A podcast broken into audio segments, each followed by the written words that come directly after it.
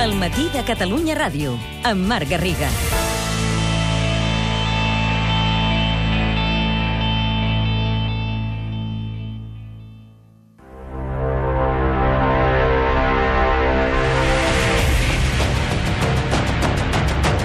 Trenta-cinc cops de fals. Els gravats.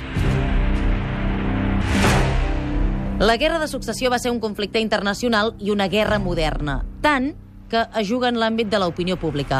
La gent vol saber què passa als combats, o sigui que apareix un gran interès de produir imatges de les batalles.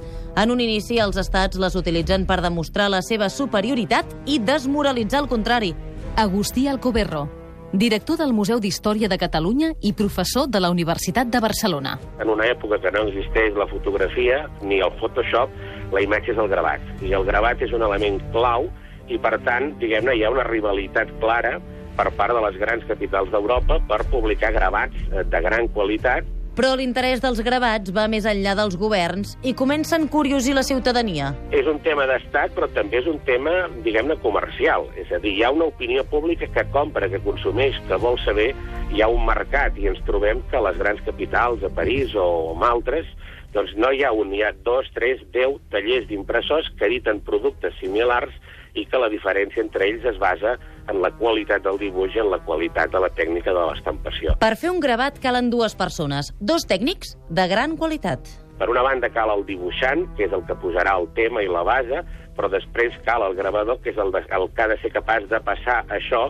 a una peça que serà motiu d'estampació eh, posteriorment. I a nivell pràctic, com es feien els gravats? Els gravadors treballaven amb planxes eh, metàl·liques sobre les quals cisellaven o marcaven cada un dels elements, diguem-ne, que després apareixerà en el dibuix.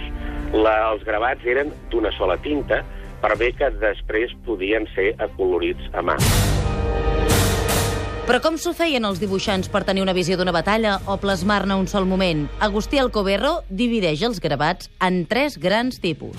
Aquells que el dibuixant ha estat testimoni popular dels fets, que són poquíssims, aquells en què el dibuixant ha estat documentat honestament sobre els fets, que són força, i després aquells en què el gravat no té res a veure amb la imatge d'allò que vol representar. I no us creieu pas que aquest últim grup, els que el dibuix no tenia cap semblança amb la realitat, és minoritari. Acabem amb un exemple.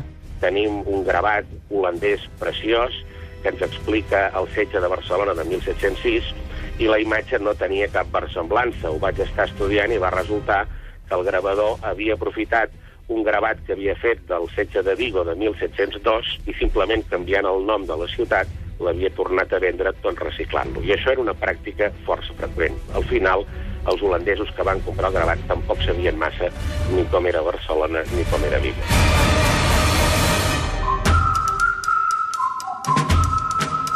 Trenta-cinc cops de fals. Laia Claret i Clara Jordan amb muntatge musical de Josep Plazas.